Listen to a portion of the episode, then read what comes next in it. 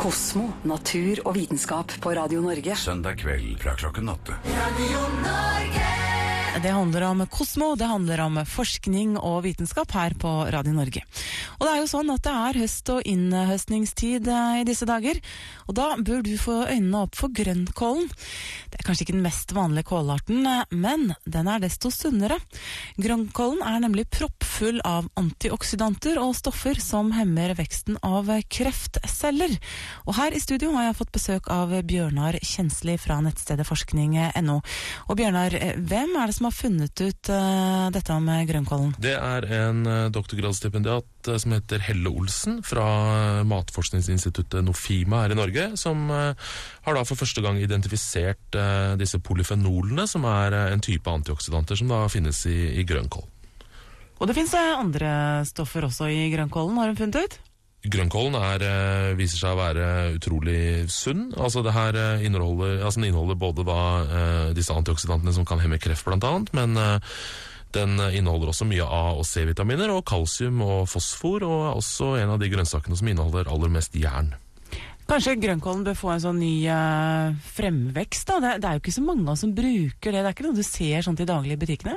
Nei, det er ikke en veldig populær og fancy eh, grønnsak, liksom, men uh, det er jo sikkert godt, og det er jo i hvert fall veldig sunt. Det er nesten ingen kalorier, og så er det jo, som jeg sa, fullt av, av vitaminer. Bør denne kålen spises rå eller, eh, eller kokt, eller hva? Altså, vil det spille noen rolle i forhold til eh, innholdet av eh, positive, sunne, bra stoffer? Ja, altså Den taper uh, antioksidantinnhold når man varmebehandler den. Så om man koker den uh, rett i vann, eller om man putter den i en pose og koker det, eh, så vil den eh, miste antioksidanter. Men da kan man jo spise den rå, ha han i salater f.eks. Ja, har du spist eh, grønnkål eh, selv, Bjørnar? Jeg tror jeg ikke, altså. Men jeg vet det er sånn der nederlandsk-tysk-aktig kålstuing inneholder ofte grønnkål. Det tror jeg jeg har spist, men jeg må innrømme jeg ikke husker. Nei, den har en, eh, jeg har spist det en eh, del ganger, og den har en litt sånn sterkere smak enn en salat. Jeg vil nesten si en sånn blanding mellom kål og salat. Det. Og den kan fint brukes i, i råkostsalater, eh, I hvert fall syns jeg det, da. Vi får eh, konstatere, Bjørnar, at vi får eh, spise mer eh, grønnkål, både du og jeg. Sikkert sunt og godt. Ja, sunt er det i hvert fall, og så får jo den enkelte vurdere om det er godt eller ikke. Men du, det er en annen sak dere har på nettsiden deres om dagen nå som jeg syns er litt, litt spennende. Og Den har jeg lyst til å introdusere på den måten her at man bør, nå bør vi kanskje tenke oss litt mer om før vi bader nakne heretter. For i hvert fall hvis du har tenkt deg på en svømmetur ved f.eks. Great Barrier Reef i Australia. Google Maps har nemlig begynt å filme under vann, og lanserer i disse dager en undervannsfunksjon i samme stil som eh, Street View. Og eh, Bjørnar, eh, jeg går ut fra at man ikke behøver å være redd for å bade naken overalt. Nei da, eh, det bør man ikke. Men eh, det er ikke så veldig sunt å bade naken rundt sånne svære rev uansett. Der er det ofte mye, ja, ofte mye hai og veldig farlig å skjære seg også på disse korallene. Men, eh, men ja, dette her er Google Street View av korallrev.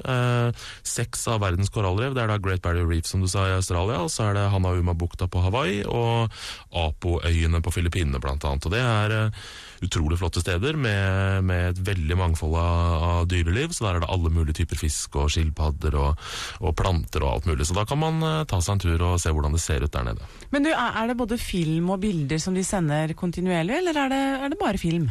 Ja, altså er, det er sånn som Street View, altså, at du, du kan navigere deg selv. Altså, de har på en måte filma allerede i 360, sånn som de gjorde med disse Google-bilene når de drev og kjørte rundt i gatene våre. Så da har det vært eh, dykkere der nede med 360-kameraer og kartlagt liksom hele revet, og så kan du navigere deg selv eh, gjennom sånn som man gjør på Google Street View. da. Ja, ok. Så hvis du badet naken der den gangen du gjorde det, så kan det være at du kommer med på bildene. Ja, men da må vi stole på, eh, på den eh, politikken til Google. Da vil nok kanskje sladde deg, tror jeg. Ja Altså. da, det, det blir litt flåsete, men eh, en morsom tanke. Man kan liksom se det for seg. Men, men hvor er det man kan se dette her da, hvis man ønsker å ta seg en titt? Da kan du gjøre, da kan du jo google Google Maps, eksempel, så vil du finne dette. Ehm, og og det, det er veldig morsomt. Man kan, man kan da se all, all mulig slags dyr som lever der nede. Og, og hvis man dyk, har vært og dykka på et sånt sted, så rekker man jo bare å se bitte lite grann før man må opp. Så der kan man altså utforske rev som man ikke har kunnet sett tidligere. Mm, så du kan rett og slett gå inn på Google Maps, og så får du en film av eh, en tidsepoke på, på disse revene, og kan du sitte og kose deg med fargefulle fisker og alle mulige rare Ja, Veldig fargerikt. Og man kan også se ødeleggelsene. da. Det er jo eh, også noe som er, det som er litt trist. da. Mange av disse revene er i ferd med å, å dø, eller du kan se at det er veldig grå og veldig, veldig døde noen steder. da. Så Det er, også, det er, ikke, bare, er ikke bare gøy, men, men mm. så man kan også se det. da. Men er det noe forskning involvert her? At man eh, prøver å finne ut mer ved hjelp av, eh, av denne filmingen, eller er det mest for eh, oversiktens skyld? Nei, så Det er vel først og fremst eh, for eh, hjemmenerder, på en måte, som kan eh, sitte og kose seg med det. Men, eh, men vi vet jo at, eh, Google Earth blant annet ble jo slager blant forskere. De har, det er masse arkeologer blant annet som har funnet eh, strukturer og, og pyramider og store sånne byggverk også, som ligger under jorda, som man ikke har kunnet se tidligere. Satellittbilder har jo aldri vært så tilgjengelige som det er nå under, eh, under Google Earth. så dette kan jo bli noe tilsvarende. Det er, ikke, det er ikke alle forskere rundt omkring i verden som har råd til å faktisk dra til sånne korallrev på eksotiske steder som Australia og Hawaii, så kommer helt sikkert til å bli brukt av forskere også. Hva er planen etter hvert? Skal det bare holde seg ved disse revene, eller har de tenkt å utvide den undersjøiske filmingen sin?